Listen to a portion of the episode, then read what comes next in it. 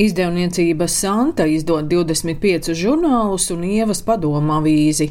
Izdevniecības direktors Māris Ančs pagājušo gadu sauc par izaicinošu, bet krīzes sākumu par šoku. Tirzniecības vietas aizvērās, cilvēki sāka dzīvot pa mājām un negāja iepirkties. Līdz ar to kioski netika apmeklēti un veselīga lidosta un stacijas bija slēgtas tirzniecības vietas, kas, protams, radīja būtisku robu mazumtirdzniecībā. Protams, mēs optimizējām zināmas izmaksas, Uz 21. gadu abonēšana atsevišķām izdevniecībām pieauga par 15%. Protams, bija arī tādas, kur samazinājās par 10%. Kopēji nozarē pieaugums 2%. Mums izdevniecība žurnāls Sanda bija pieaugums 4% abonēšanas ziņā. Māris Ančs stāsta, ka Covid laikā radies interneta portāls Santa LV, kas izrādījies ļoti veiksmīgs. Patreiz esam interneta mēdīju top 10 Latvijā uz šogad. Tas ir diezgan labs rezultāts pusotra gada laikā. Nākamais mērķis top 6. Akciju sabiedrība Latvijas mēdī izdod laikrakstu Latvijas avīzi un desmit žurnālus.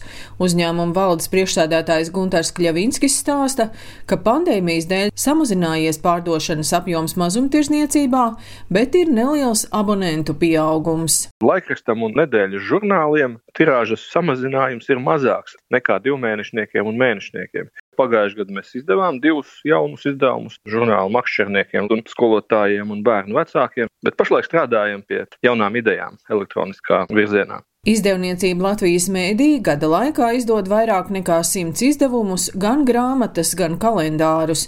Guntars Kļavinskis stāsta, ka grāmatas pērk mazāk, bet samazinājums nav bijis ļoti dramatisks. Cilvēki mazāk staigā pa veikaliem, mazāk šīs grāmatas ierauga un nopērk.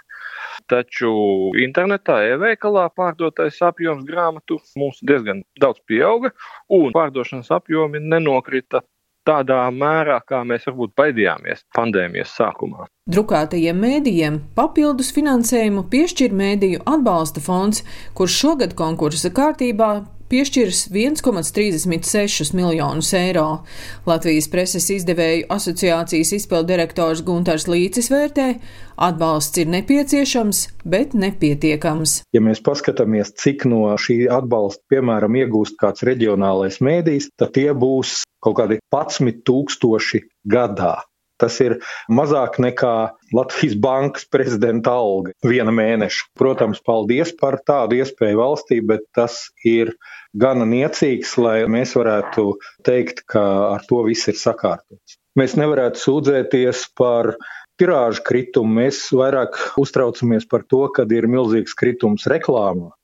Tas, kad sabiedriskie mēdīji izgāja no reklāmas tirgus, ir pareizi, bet šobrīd eh, mēs redzam, ka reklāma pārdalās par labu globālajiem tīmekļu vietnēm, un tā ir milzīga problēma visā pasaulē. Un tas ir tas, par ko būtu jāiestājās Eiropai par digitālā nodokļa iekasēšanu un tādā veidā jāatbalsta savu vietējie mēdī.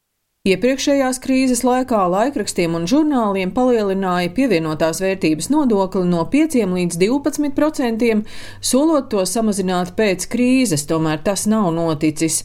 Izdevniecības Santa direktors Māris Ančs skaidro, ka PVN jāsamazina arī tādēļ, ka šī gada otrajā pusē mainīsies autora atlīdzības nodokļu nomaksa. Es lēšu, ka tas palielinās izmaksas uz autora atlīdzībām izdevniecībām par 30%.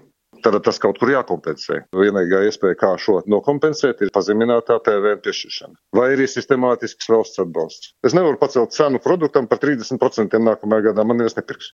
Arī Latvijas mēdīju valdes priekšsēdētājs Guntars Kļavīnskis uzsver, ka galvenais ir samazināt PVN likmi līdz 5%, kā tas ir lielākajā daļā Eiropas valstu. Mēs esam viena no nedaudzajām Eiropas Savienības valstīm, kurā tas PVN ir tik augsts. Pie tam pie tik maza tirgus un pie tik maza iedzīvotāju skaita. Tas ir eh, netālredzīgi no valsts attīstības viedokļa. Un otrais tādu atbalsta modeli ieviest tāds, kāds ir Beļģijā, Zviedrijā, kur finansējums tiek piešķirt nevis tā kā mums MAFA gadījumā uz satura konkursa, bet izējot no tā, cik izdevēji izdod un pārdod savus preses izdevumus. Tātad, jo šis preses izdevums ir pieprasītāks, jo lielākas atbalsts pienākās no valsts. Jāņem vērā, ka Latvijā samazinās iedzīvotāju skaits pēc centrālās statistikas pārvaldes datiem.